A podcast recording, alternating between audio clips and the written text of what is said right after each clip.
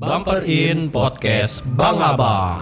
Jeng jeng jeng. Belum lama baru ketangkep nih ya. nggak habis-habis ya Parah cuy. Menteri kita Menkominfo jadi tersangka korupsi BTS. Itu nilainya fantastis, 8 triliun. iya Gila. Itu yang bikin sinyal kita jelek gak sih? Nah, iya cuy.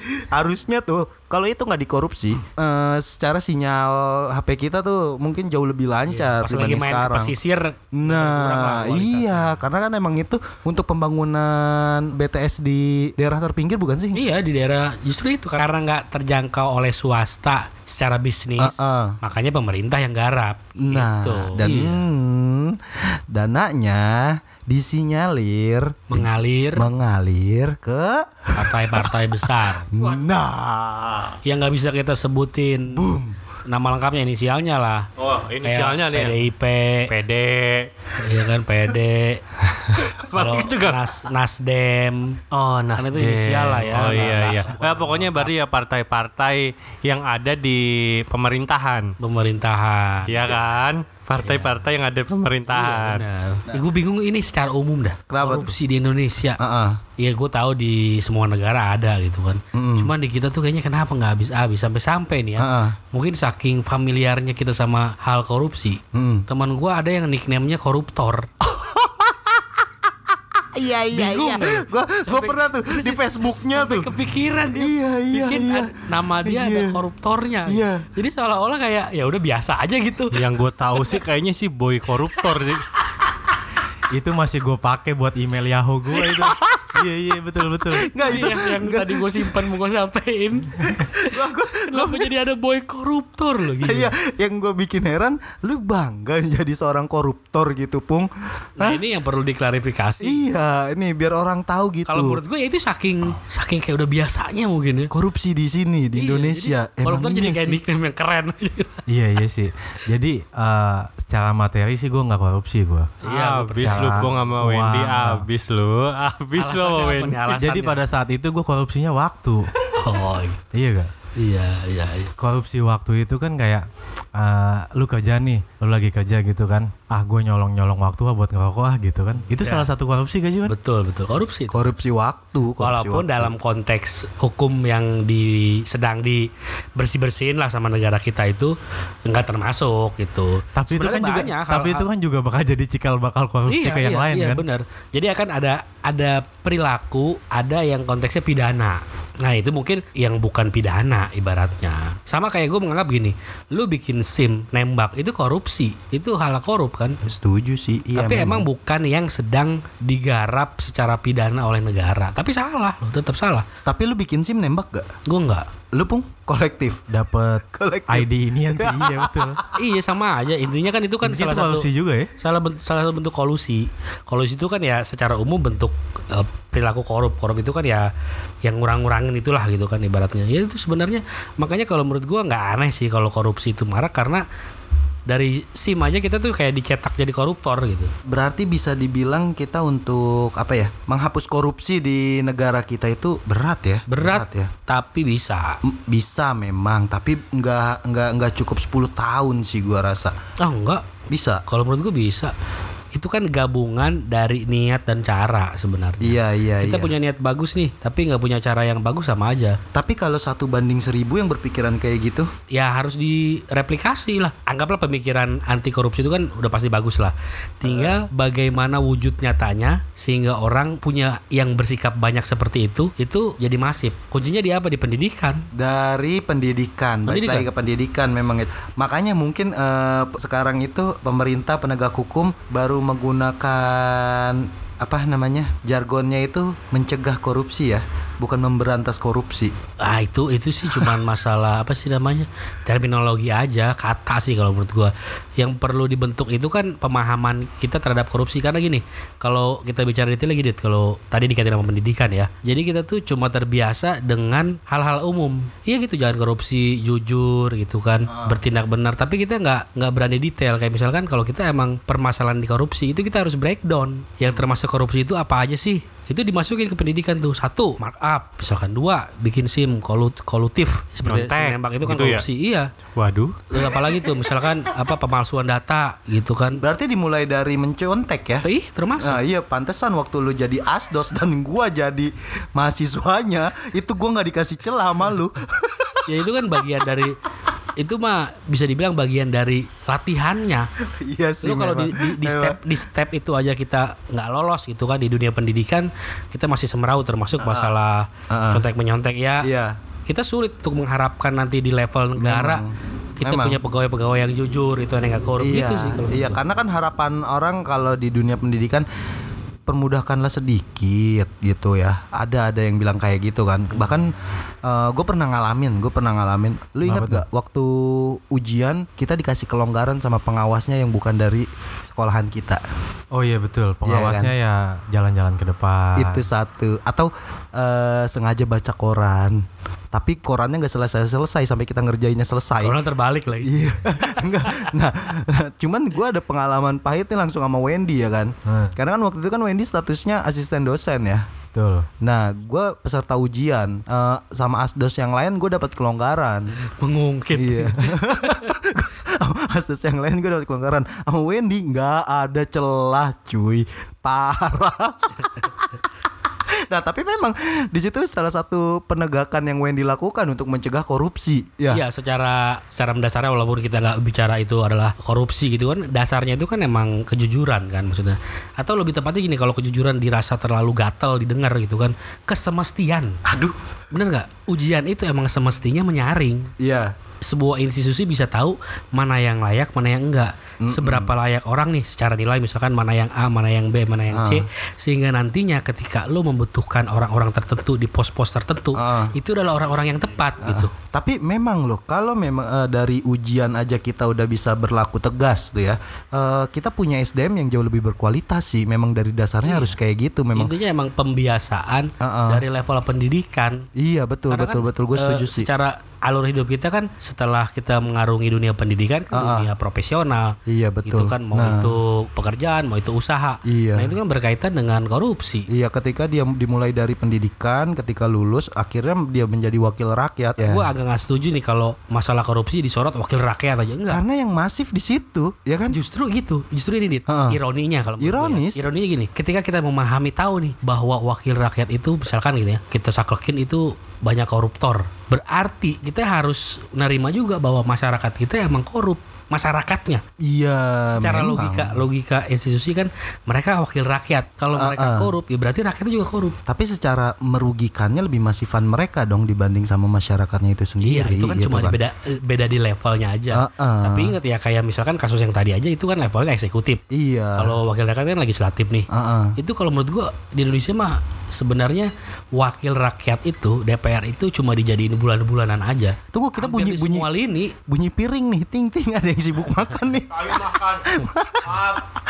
Hopper. ini masuk nih ini masak.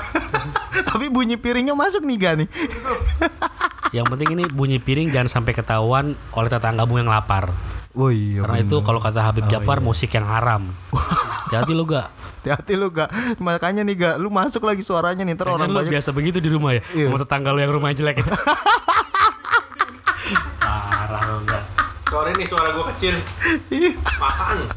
aduh ya Nah jadi gitu Heeh, bener-bener bener Jadi sih coba aja deh di setiap kasus korupsi itu kebanyakan melibatkan selain eksekutif dan legislatif itu melibatkan swasta. Tapi Itu gini- orang-orang masyarakat umum bisa Ingat, dibilang. ingat gak pemerintah kita itu pernah mencanangkan program revolusi mental Benar. Ya. Ingat gua. Mungkin salah satunya itu ya. Itu yang sangat eh, disayangkan kalau menurut gua kenapa nah. justru itu hilang. nah itu kenapa itu nggak berjalan gitu? Mungkin Kalau karena gara-gara nggak berhasil. Karena waktu itu siapa sih tuh? Siapa menterinya. ya? Iya. Kenapa jadi hilang? Harusnya ya ganti lah menterinya. Jangan Nah, kementeriannya iya. yang dihilangkan. Mungkin karena hukumannya juga kali. Itu ngaruh. Maksudnya Ya kan? Pasti. Iya, jadi kalau yang udah ketahuan gitu hukumannya kayaknya nggak kayak di Cina gitu kan, hukum Bener. mati. Jadi ah nggak apa-apa lah gitu Iya. korupsi nanti masih bisa di Ya, Iya, kendalanya adalah ketika kalau kita secara apa namanya bibitnya masih banyak terus kita udah menegakkan hukum yang tegas, peti matinya kebanyakan boy. secara filosofis nih. Oh iya bener. Bener nggak? Iya lahannya nggak Makanya cukup. Harus di dari pendidikannya dulu. Iya, Jadi tapi kan lu kerannya kalau ditutup kalau dulu. kalau udah peti mati ketiga, peti mati kelima gitu. Orang ke 6 ke 7 8 9 10 kan jadi agak mikir juga Wen untuk korupsi Iya, gitu. tapi kan di gelombang pertama ini bakal masif banget loh. Ya terserah kalau lu mau banyak, maksudnya ya habis-habisan bagus. Cuman ya ibaratnya lu menyelesaikan satu masalah, tapi mungkin masalah lain. Jadi kebanyakan, jadi belum kita mikirin mending kalau dihukum mati. Kalau misalkan di penjara, penjara kita belum kita melakukan hal yang idealis seperti itu aja udah overload. Iya bener. Bagaimana kalau kita mau menegakkan benar-benar? Nah makanya kalau menurut gua kerannya dulu ditutup, Mm-mm. ya kan bocorannya sambil ditambal gitu jangan ini masih nyala kita udah nambal pokoknya luber-luber juga jadinya Yes, it. makanya Kombinasi. kuncinya di komunitas di pendidikan dulu dan itu harus di breakdown korupsi itu seperti apa korupsi di kelurahan apa aja sih yang ada ini ini ini ini, ini. jadi siswa itu paham sejak SD oh ternyata ini tuh korupsi tuh jadi begitu dia menempati posisi tersebut tahu mana yang harus dihindari Iya. kalau di kita tuh masih umum nanti jadi Oh. toto ada godaan ada yang ngajak gitu kan Hmm. Nah ini mah enggak kali bisa kali ini mah. gitu Iya kan. bener bener. bener. Padahal dia Nggak usah. melakukan itu I- gitu. Iya kadang gua sendiri pun kadang suka begitu gitu. Iya, makanya. Kadang karena ngelakuinnya masif kali ya Heeh. beramai-ramai, udahlah nggak apa-apa lah. Jadi Iya. gitu. diwajarkan gitu. Iya. Belum seperti itu jadinya Ah, jadi ah. kayak banyak pembenaran. Padahal waktu itu eh, sempat banyak orang yang mendirikan warung kejujuran. Nggak hanya di level sekolah tapi di level perumahan. Cuman lucunya itu warung rugi. Iya. Gila itu saking apa ya? Miris ya. Iya, itu ibaratnya lu udah ujian sebelum dilatih. Nah, itu gitu. Gitu. Ini gua ada satu hal yang mungkin akan akan banyak di nggak disukain nih, terutama sama guru-guru ya. Iya. Karena kan gue juga sebagai wali ya, wali dari anak yang masih sekolah. Itu ada jangan mentang-mentang nge- jauh dari mic lu berani cetak-cetuk. Kedengeran deketin masuk. dong, deketin dong. Masuk lu. bahan letak nyeletuk aja terus baru makan Iya. Ini mirisnya nih kalau karena kan ini di dunia pendidikan kan ada guru nih ya. Yang disayangkan ini terkait dengan korupsi ya, walaupun nggak berkaitan dengan nggak secara langsung. Itu tradisi memberi guru aja itu salah. Oh pas terima rapot atau Maksudnya? Mau pokoknya selama guru dan murid punya hubungan belajar mengajar Hmm. itu haram sebenarnya. Karena gini, membe- menerima ya, memberi ataupun menerima dari murid sementara sekolah itu udah dikelola secara profesional nggak kayak seperti zaman dulu. Hmm. Kalau zaman dulu iya, orang tuh bawa beras, bawa jagung apa buat gurunya karena emang institusi sekolahnya belum mapan. Hmm. Jadi emang guru dan kepala sekolah itu disuplai keberlangsungan hidupnya sama orang tua murid. Zaman dulu tuh. Iya. Kalau lo tanya ke orang tua lu pasti begitu. Iya, iya, betul, betul. Kalau sekarang udah dikelola dengan baik oleh negara, udah ada pos-posnya masing-masing, udah ada anggarannya, guru itu nggak boleh nerima hadiah Sepeser pun. sepeser pun. Tapi yang terjadi karena gue juga tahu gitu kan, itu jadi hal yang biasa, bahkan dianggap baik. Inilah susunan prioritas antara baik dan benar di kita tuh belum belum mapan. Wah, berarti si Ega salah satu yang diistimewakan guru. Kena oh, senang, sering sering dibaikin Baik dia. karena sering ngasih. iya, nggak bahkan gini di dari segi agama aja itu udah hal yang populer bahwa itu adalah hal yang nggak boleh. Kecuali satu-satunya ya lu nerima itu ketika anak itu udah lulus. nggak maksudnya Ketika udah lulus lu nggak mungkin lagi berhadap-hadapan, nggak mungkin lagi ada hubungan belajar mengajar, pemberian nilai, ujian, itu baru boleh. Eh, maksudnya kan kalau yang gua lihat ya selama ini kan kayak misalkan ketika kita sudah kenaikan kelas ya kenaikan, kelas, Kan Lu masih diajar lagi kan tapi masih bisa ketemu lagi nggak sama dia? Masih bisa diawas Iya. lagi nggak ujiannya sama ya dia? mungkin masih bisa Itu ya nggak masih bo- bisa nggak masih boleh. bisa Nggak boleh. oke oke Makanya itu hal miris ya. Artinya gini, ada hal yang kita berpikir kepleset menganggap itu baik, padahal itu nggak baik dan nggak bener. Karena itu itu bahkan udah menjadi hukum ya di negara-negara maju itu udah jadi hukum. Termasuk gratifikasi kalau di bahasa hukum pidana korupsi itu, guru sekalipun guru, dosen apa itu nggak boleh nerima apapun dari murid selama lu masih punya hubungan di institusi yang sama. Beda ya kalau kayak misalnya eh, kita ngasih tip ke ojek online gitu kan karena karena kepuasan gitu. Beda lah itu mah. Beda dong. kita bisa cuma naik ojek itu lagi. Iya. Maksudnya analoginya gitu guys sih kan kayak gua gua udah ditolong, gua udah dibantu gitu. Iya. Itu nggak punya apa ya hubungan lu kan hubungan jual beli, Hmm. bukan hubungan pemberian nilai. Ini kan konteksnya itu kan kenapa pemberian murid ke guru itu nggak boleh itu kan dikhawatirkan mempengaruhi objektivitas guru terhadap murid penilaian. Heeh, Intinya Iya, di sementara situ. kalau ke bukan tukang ojek, bukan ngasihnya, bukan. kalau tukang ojek kan kita putus Iya, ngasih. beda beda ya konteks. Iya. udah gitu. Besok lu mau pa- mau na- Sutup ngendara ya, sutup. sutup coy ya benar tapi mem- mungkin gak sih di negara kita itu benar-benar setidaknya mencapai 5% lah korupsinya jangan kayak sekarang gitu sekarang kita udah mencapai berapa persen gitu berapa puluh Lo gue persen nggak tahu kalau masalah persentase korup itu di, di Parah, ukuran cuy. Iya. gimana gimana intinya intinya banyak lah ya. Heeh. Intinya bar- ya itu dia kalau lo bikin misalkan eh, bisa nggak sekian persen intinya kan rendah. Intinya mengurangi lah Iya, Ah. ya iya itu kalau menurut gue dari pendidikan Heeh. masalah pendidikan korupsi itu detail di breakdown sampai detail model-model korupsi seperti apa terus eh, bikin simnya nggak boleh nembak dan itu harus dijadi dengan kemudahan ya jangan bikin sim nggak boleh nembak tapi susah ujiannya ujian kita kan nggak relevan sama kenyataan Bikin, Kalau- angka- kan? bikin angka 8 ya. iya makanya gue pernah nyoba itu nggak berhasil coy makanya iya jadi jangan jangan nyari susahnya yang penting relevan sama keadaan lalu Iya, lintas kita gitu iya. kan.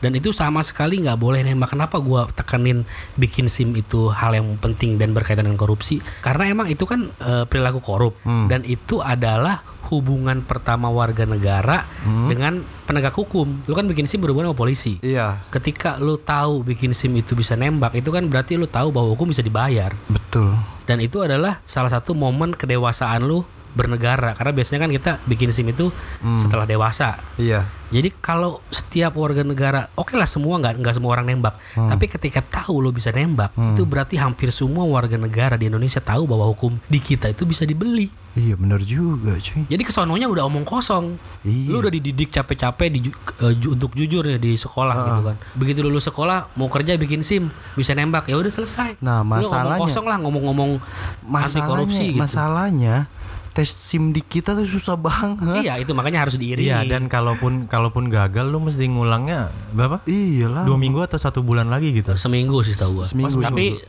gue pernah ngalamin kan, bisa request. Bisa, Oh, gitu. Bisa, bisa. Tapi lu akhirnya tuh dapet ya? Dapat. Gua bikin SIM yang lancar banget motor sampai diteriakin joki.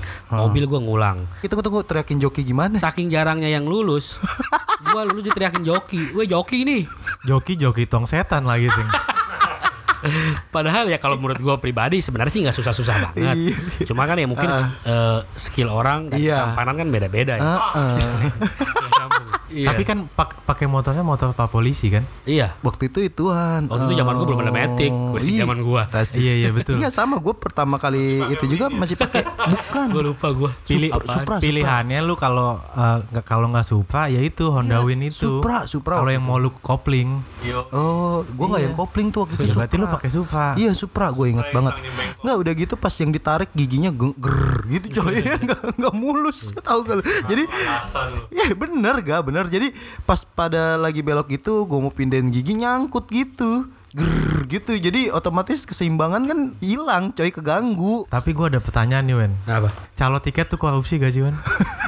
Nah. Tiket kalau menurut gue secara selama nggak ada aturannya ya itu hal yang nggak nggak nggak nggak apa-apa tahu calo itu. Menimbun gitu Iya kan? kan? Hitungannya Kalau dia calo itu menimbun. kan sebenarnya jasa. Iya maksudnya kan eh, Tunggu tiket apa dulu nih tiket apa dulu nih tiket konser musik Nah lah. itu yang lagi gila sih Lagi Ya contohnya gila Oh. konser Coldplay ini gitu kan. Heeh. Nah, ketika per- percaloan itu terjadi padahal secara sistem diusahakan dan at- secara sistem dan aturan nggak di nggak dibolehkan, ya otomatis itu perilaku korup lah, ya kan.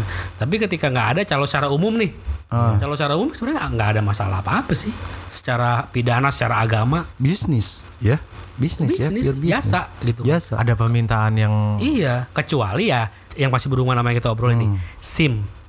Calo SIM itu udah jelas salah karena SIM ada ujiannya. Oke. Kecuali kalau c- calo STNK nggak masalah dong karena kan itu jasa nunggunya dia, jasa ngurusnya dia. Iya, nggak iya. ada yang perlu direkayasa gitu kan. Di- kalau di- SIM kan lu emang harus ujian. Karena Harus biasanya lulus. biro jasa SIM ada biro jasa STNK. Iya, biro jasa SIM. paket paket. Oh. Iya, biro jasa SIM itu salah secara hukum.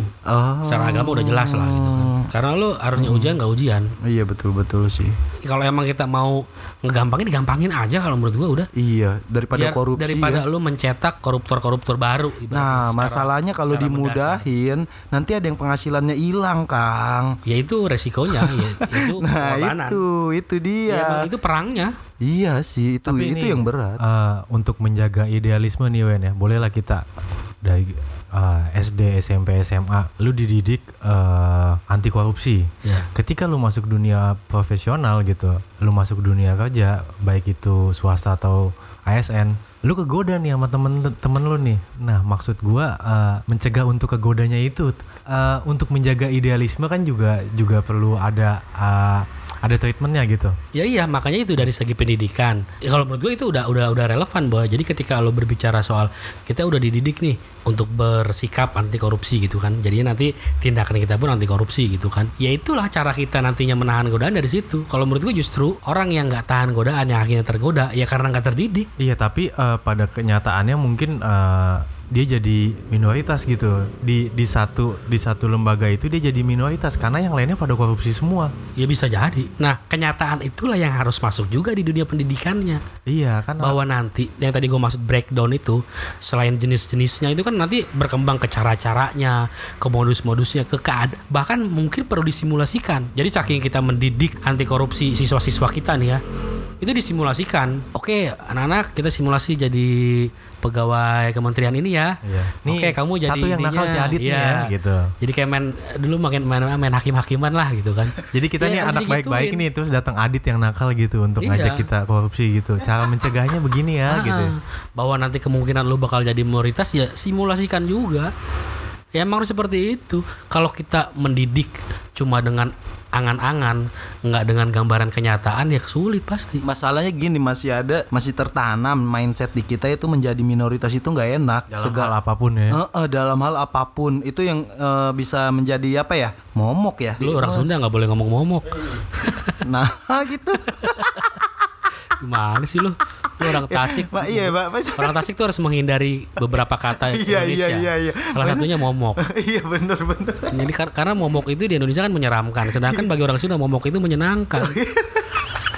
Iya, gua gua sama Ega si- Auming si, nih. si, eh, Itu ini bah- bahan browsing lu lah. sinonimnya encet Oh. Orang beda-beda tipis kok sama Indonesianya. Kan. iya beda tipis cuman oh ganti e aja udah nah Iya, enggak, eh, kayak eh, mungkin dulu kayak aktivis gitu kan aktivis pada teriak-teriak set nah biasanya yang teriak ini udah lu jangan teriak mulu nih gua kasih jabatan deh iya Iya berarti itu karena dia nggak terlatih. capek Iya. capek capek teriak menggulirkan pemerintahan sebelumnya sekarang dia yang menikmati kan Gak capek dong, kan senang pasti. Iya sih memang tapi kayaknya miris aja nih kemarin lu yang teriak bicara wah pembagian keuntungan sekarang udah dibagi untung ya udah Oh. kenyang Iya itu emang konsep skeptisisme yang umum gitu. Nah yang seperti itu yang harus kita reduksi. nah iya sih memang Makanya komitnya sekarang oke lah generasi kita terlanjur, Ah. anak-anak kita udah. Iya sih, Jadi nanti emang kayak anak-anak kita jangan ada sampai generasi bikin yang sim. harus dipotong iya juga jangan sih. sampai bikin sim tembak. Udah lo ujian sim nggak lulus, mendingan gak usah punya sim. Kalau emang masih susah nih belum belum ada orang yang mendengar podcast kita ini gitu ya. Hmm. Terus nggak mikir perubahan gitu kan? Ya udah. naik pesawat terus dong mana-mana Enggak mendingan kalau menurut gue gini, gua punya teman yang saking nggak maunya dia begitu, dia nggak punya SIM. Malah nih teman ya? Itu Ini lebih ada fair. nih, Ini teman gue nih. Karena dia nggak mau korupsi, Hah? anak-anaknya dia nggak mau punya anak. dia nih, kiting nih. Kayaknya chi- dia bakal child dia- free. Dia nggak mau punya anak lah. Saking dia takut itu Oh, dia kaum-kaum child free juga ya? Nah, bisa jadi sih. Lo child free apa apa wife free? karena daripada gue korupsi untuk nanti ngasih makan mendingan gue tahan-tahan dulu bukan berarti gue child free enggak coy tapi Lu Wen, mau punya anak umur berapa emangnya? ya tahun depan lah gak tapi eh, ada konspirasi gini karena kita dijajah Belanda dulu gitu pahamnya feodalisme maksudnya itu salah satu warisan yang bikin kita jadi KKN-nya sebegitu banyak gak sih Bisa jadi sih. Maksudnya teori bahwa korup buruh ya buruh korup kita itu warisan dari feodal. Iya. Bisa jadi, bisa jadi aja. Bisa Karena jadi. kan eh, kalau kita lihat eh, negara lain yang dijajahnya negara lain juga kayaknya nggak kayak gini dah gitu. Iya, Ini maksudnya- apa mungkin akar dari sini gitu. Terus eh, untuk menanggulanginya itu butuh berapa generasi yang Ah, mesti Menurut dipotong gua nggak juga? Malah kalau diobrolin bener, "Ih, ini udah bener gara-gara SIM kayaknya udah. Karena itu start awal sih kalau menurut gua. Saat awal udah gara-gara nyontek. Ya bisa kalau mau lebih mundur lagi. Ega Tapi nyontek di mana-mana sih kalau Eh, menurut gua. eh, Ega itu SMA yang patut lo acungkan jempol karena dia nggak mau korupsi melalui nyontek dia rela dapat nilai nol ujian Karena gue nggak bisa nyontek gitu. Akuntansi. Gue dapat Bukan, nilai bukan nol. nggak mau nyontek nggak bisa. Tapi bukan ujian nasional ya. Ampun gue nggak lulus itu. Gue ujian Ngitungin biasa. uang tapi nggak ada uangnya. ya? Iya nggak ada uangnya. Sekalian aja nol. Iya. Bukan uang kita lagi yang dihitung. Mana gue berdua lagi sama sebelah gue masih dapat nol. nah ngomongin kita berkali-kali nih ya kementerian nggak ada kelarnya ya ini eh, belum lama lagi nih eh, bansos ya beras bansos ini mungkin pengembangan dari yang sebelumnya kali ya Iya. eh apa ya? Apa karena di situ ada peluang atau mereka lebih butuh daripada kita gitu, makanya mereka melakukannya ya. Iya secara Masalahnya ini, masalahnya keahlakan. masalahnya ini beras untuk bantuan sosial gitu. Beras untuk bantuan sosial yang udah jelas tujuannya. Tujuannya untuk siapa ya kan? Iya, kalau tingkat keparahan mah kita nggak kurang-kurang. Ah, ya bansos ya kan yang yang buat bencana, ya Al-Qur'an aja Oh iya Al-Quran juga keadaannya aja pernah kan, ya. gitu. Jadi tapi kita nggak bisa sih memparah-parahkan dari kasus karena emang harusnya udah secara umum korup gitu. Itu Ah. nggak bener makanya yang perlu dilakukan ya kan korupsi kita ini bisa dibilang ada yang bilang bahkan yang bilang ini mantan koruptor lah, Hmm, mantan napi koruptor iya. yang menjadi salah satu orang yang vokal juga kemarin dalam hal pencapresan nih. Oh iya iya iya yang dia rame tuh ya. Ya, ya Iya kan? iya. Dia aja berpendapat, ibaratnya dia kan pelaku iya dan hidup di dunia perpolitikan iya. Dia bilang Ah, susahnya di Indonesia korupsi maraknya itu ya karena sistematis. Sistem perpolitikannya sendiri yang mahal itu membuat orang-orang pejabat-pejabat politiknya ya yaitu akhirnya korup bahkan dia bilang 90% kalau nggak salah tuh. Gila gak sih? ya itu kan berarti udah udah sistemik gitu Nah, berarti eh, lingkarannya itu yang harus benar-benar di Ya kalau dia bilang sistemik, ya berarti sistemnya yang harus dioprek. dari diri kita sendiri aja Iya. masih melakukan Makanya- Oh, gitu. Eh, kalau gue nih ya, kalau gue kayaknya mungkin eh, karena gue belum berada di lingkaran yang mega mega korupsi gitu, gue pun bakal di- Maksudnya lingkungan mega korupsi itu gimana? ya kayak lingkungan di era kementerian gitu. eksekutif Oh, maksudnya lo eksekutif. bu- lo nggak hidup di lingkungan Iya. Seperti Jadi itu. eh, ketika mungkin eh, gua ada di situ, jujur gue sih kayaknya tergoda juga gitu. Wah, ada peluang pasti gak sih? tergoda Kayak lu- itu pasti. Maksud Makanya gua, hmm. harus dari harus dari semua sisi antisipasinya. Jadi dari secara pribadi lo punya bekal, secara sistem lo tercegah. Iya sih. Negara, kalau kita bicarakan konteks kita kan bicara korupsi kan konteksnya negara nih ya kan. Hmm. Ya emang negara yang bagus ya harus begitu. Dia punya sistem yang bagus untuk mencetak individu-individu yang kebal lah, yang kebal sama godaan. Iya. ya kan? Tapi dan secara sistem pengelolaan pemerintahan pun Ah, salah satu yang paling gampang transparansi lah. Itu kan udah bisa diaplikasikan ke dalam sistem kan? Iya, kita udah bisa lihat anggaran keuangan Iya. di mana-mana kan. Iya, Tapi jadi harus kalau- ketemu, kalau harus ketemu. kalau secara kebutuhan sebetulnya dari eh, pendapatan bulanan para menteri untuk kehidupannya sebetulnya gaji yang mereka terima itu cukup gak sih untuk Gak kalau kehidupannya? gajinya pasti kecil-kecil lah. Kecil Karena kan ya. yang diukur gede itu tunjangan. Nah, iya ga- mak- maksud gue gaji wewenang. ga- gaji dan tunjangan tuh. Ya pokoknya intinya kalau pejabat-pejabat tinggi pasti duitnya banyak. Iya. Pendapatannya pasti tinggi itu aja udah. Ah, lu ada contoh gak Wen? Kayak misalnya eh, negara mana yang bisa nerapin pencegahan korupsi yang paling efektif? Setahu gue Swedia ya. Eh, Swedia atau New Zealand? Kalau dari hukuman kan yang terkenal Cina. Iya. Oh, hukuman, oke. Tapi itu dia tadi PR kita kalau hukuman Kita mati- bicara- mati kita terlalu banyak korbannya nantinya. Makanya kita pendidikan dulu. Nah, kalau pendidikan sih kalau menurut gua kita bisa dari negara-negara Skandinavia atau Jepang. sih. Iya bisa gak sih maksudnya kalau kita eh, tiru modifikasi gitu diaplikasikan di negara ini gitu. Bisa. Tapi balik lagi mau gak mereka kan? Itu dia. Si si yang punya kebijakan ini. Ah, ah. Itu yang beratnya. Iya itu kembali ke hal mendasar karena gini kalau kita mau berubah gitu kan ya ini jangan di ke diseret dulu ke politik Hmm. masalah perubahan nih ya kalau perubahan nanti kan udah ketahuan tuh koalisinya yang mana ya kan ini kita bicara ke umumnya dulu ya kalau kita mau mengubah sesuatu itu kan kita harus sadar dulu kita sedang seperti apa dan kita mau menjadi seperti apa Hmm. itu kalau kita ini masih setengah sadarnya masih setengah pengen seperti apanya kita belum tahu Oke. Oke. Tapi Jadi balik perubahan- lagi balik lagi ke sifat dasar manusia yang nggak pernah puas sih kalau gue.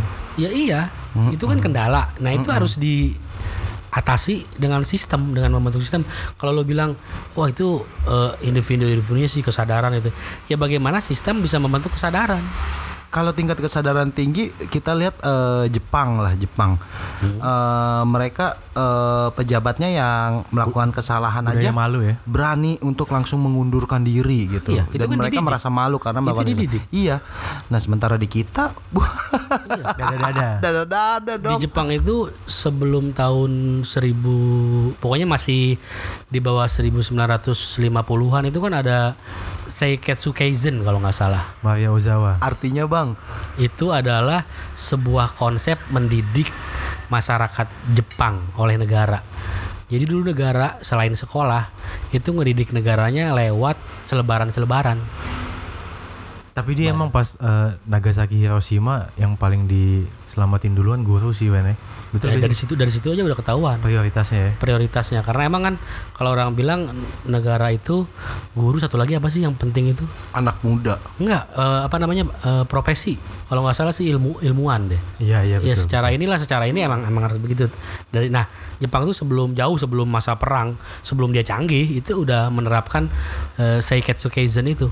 Jadi ngedidik itu bukan cuma masalah sekolah, tapi lo di apa namanya di dimensi rumah tangganya pun petugas-petugasnya gitu kan entah itu siapalah namanya istilah di Jepang itu dia ngedatengin ngajarin ngasih selembaran itu selembaran itu bukan berisi jadilah orang udah udah bukan retoris udah detail-detail lu harus seperti apa sih di apa namanya di jalanan. Gitu. Jadi detail itu yang gue maksud breakdown. Tapi mungkin gak sih kalau kayak ah, kita kan udah korupsinya banyak nih. Nanti ada di titik jenuh kayak eh, generasi kita eh, cucu kita lah mungkin nanti wah mau korupsi model begini udah ada zaman dulu gitu. Artinya eh, korupsi itu nanti di Indonesia eh, sampai ada di titik jenuh akhirnya eh, saking transparansinya udah nggak bisa ngapa-ngapain lagi gitu kan. Ya kalau titik jenuhnya kalau menurut gue dalam hal korupsi negara itu fenomena-fenomena ini Mo- boy apa namanya krisis krisis ekonomi atau apa itu kan kayak kemarin waktu dulu 98 juga kan kita menganggapnya eh, itu udah krisis kan Iya. ibarat pemerintah udah korup Hmm. makanya apa namanya susah mengatasi krisis eh, di Asia dan di dunia gitu kan itu kan Iya. karena itu jadi karena itu titik jenuhnya itu ya fenomena krisis pasti kalau kon- kalau konteksnya negara ya kalau lingkupnya negara itu krisis jangan sampai nunggu begitulah masa kita sadarnya nunggu krisis dulu gitu kan sampai pegel ya Iya. so gue juga udah pegel sih sebetulnya ngelihat pegel banget ya ampun gak kelar kelar gitu ada lagi ada lagi Iya dan, mena- yang yang bikin apa ya mirisnya itu kan korupsi yang yang sekarang saya tadi tadi lo omongin lah dilakukan itu orang-orang kaya. dia udah kaya gitu yang kemarin korupsi aja naiknya me- merosinya Iya. kan Iya, keren di, banget di coy greedy-nya, di serakahnya kan. iya itu Nah itulah sama kembali lagi ke pendidikan bagaimana lo bisa membentuk orang-orang yang gak serakah. itu yang berat karena manusia itu nggak pernah puas Iya. itu sih yang berat Karena karena itulah ya karena karena naluri-naluri negatif hmm. manusia kayak nggak pernah puas gitu. Itu kan harus diantisipasi. Kalau lo biarin aja gitu kan, lo punya punya negara isinya orang-orang seperti itu yang amburadul kan pasti. Iya, apalagi lingkarannya dia dia lagi, dia dia lagi gitu.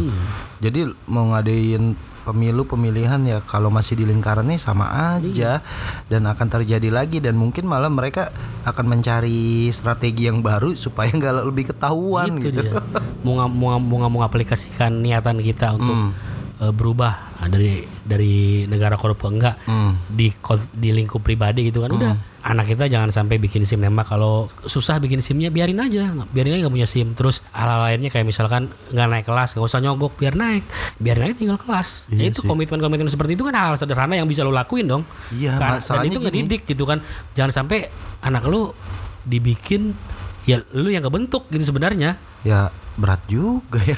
Iya makanya lu nggak bisa masuk apa gini. Ya udah nggak usah nyonggok, udah gitu aja. Tapi berat ya. Berat coy. Dia harus memilih orang-orang yang tepat. Iya bener Ya. Kadang orang yang tepat juga bisa di ini goyang. Tapi gue kalau kalau eh, pemilu nih ya, milih wakil rakyat Heeh. bukan siapa yang paling hebat, Tapi siapa yang dosanya paling sedikit. iya bener ya. Gue itu aja lah udah. Iya. dengan syarat kita tahu bagaimana melihat dosa-dosanya kan Iya. Iya. dosa-dosa dia dan dosa-dosa yang lain sehingga kita bisa komparasi Ya kalau gua sih ya milih PDIP. Loh kok pada ketawa? Bumper Out Podcast Bang Abang Jeng Jeng